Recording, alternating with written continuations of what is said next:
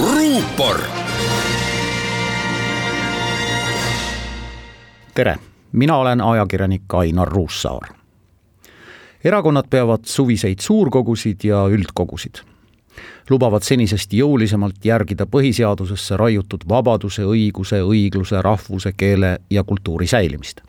heaolu kasvu keegi ei julge küll täna tulla välja Reformierakonna kunagise juhi Andrus Ansipi kahe tuhande seitsmenda aasta Riigikogu valimiste eel antud lennuka lubadusega viia Eesti viieteistkümne aastaga Euroopa viie rikkama riigi hulka.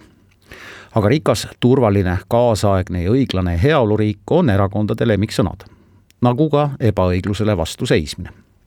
tegelikult need ongi olulised märksõnad lubadused, mille täitmist peaksime me parteide puhul erilise tähelepanuga jälgima.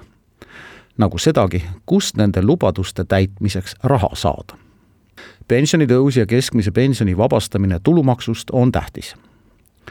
lastetoetuste suurendamine võiks veidigi aidata kaasa iibe tõusule vähemalt peaks seadma minimaalseks eesmärgiks selle, et meie riigis ei oleks nelikümmend tuhat suhtelises vaesuses elavat last teadusele lisaraha andmine peaks andma uut hoogu meie nutikatele ja edukatele ettevõtetele. kaitsekulud peavad tänases keerulises maailmas kohe kindlasti jääma vähemalt kahe protsendini sisemajanduse kogurahast.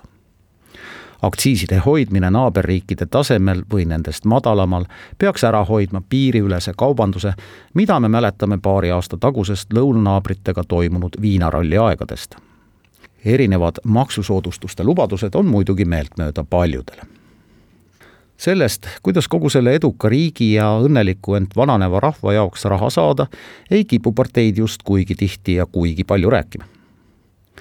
viimase aja erandi tegi ehk Keskerakonna esimees Jüri Ratas, kes partei volikogul esinedes ütles selgelt välja, inimeste jõukuse kasvuks on vaja alustada ausa, selge ja põhjendatud maksudebatiga.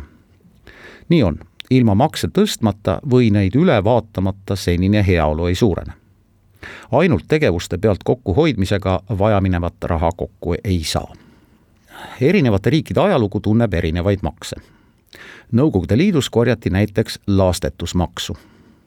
ülerahvastuse käes vaevlevates riikides sunnitakse vanemaid maksma just lastemaksu jaburate maksude hulka kuuluvad kindlasti seitsmeteistkümnenda sajandi Venemaal ja Inglismaal mõnda aega kehtinud habememaks habe oli staatuse ja religiooni sümbol ja selle maksu kogumine näis üsna lihtne.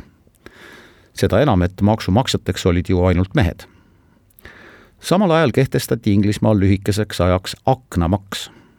mida rohkem ja mida suuremad olid kinnisvara omaniku hoonel aknad, seda rohkem maksta tuli maks lõppes pärast seda, kui omanikud asusid aknaid maksust hoidumiseks kinni müürima. ajalugu tunneb teisigi totraid makse on riike, kus kehtib lemmikloomamaks, on tätoveerimismaks ja kaardimängumaks. loodetavasti ei lähe Eesti totrate maksude kehtestamise teed, mis tähendab seda, et üle tuleb vaadata praegused kohustuslikud maksud või kehtestada uued, hästi ära põhjendatavad maksud. Keskerakonna üks läbivaid valimislubadusi on viimase paarikümne aasta jooksul olnud astmeline tulumaks, ehk siis maks, kus jõukamad maksavad rohkem Keskerakond on rääkinud ka hoolduskindlustusmaksust, mis peaks tagama väärika vananemise. keskkonna saastamise maksustamise vastu ei tohiks ka üldsusel midagi olla. lätlased on maksustanud Jurmala kuurortisse autoga sissesõitmise. maksustada võiks ka neid, kellel on lisaks elukohale veel muud igat sorti kinnisvara. ja muidugi on piisavalt valijaid, kes ilmselt pooldaks luksusmaksu see tähendab maksu, mida tasuvad need, kes soetavad pigem edvistamiseks kui toimelt tulemiseks vajalikke asju. mitmed riigid küsivad maanteemaksu. aga selleks, et maanteele tõkkepuu ja maksuautomaat paigaldada, on vaja ka vastavaid maanteid. seda loetelu võiks lõpmatuseni jätkata. valijatele meeldimiseks võib ka igasugust maksutõusu teemat vältida paraku ei saa seda lõpmatuseni teha ja tegelikult on maksude üle arutlemise aeg vältimatult käes ruupor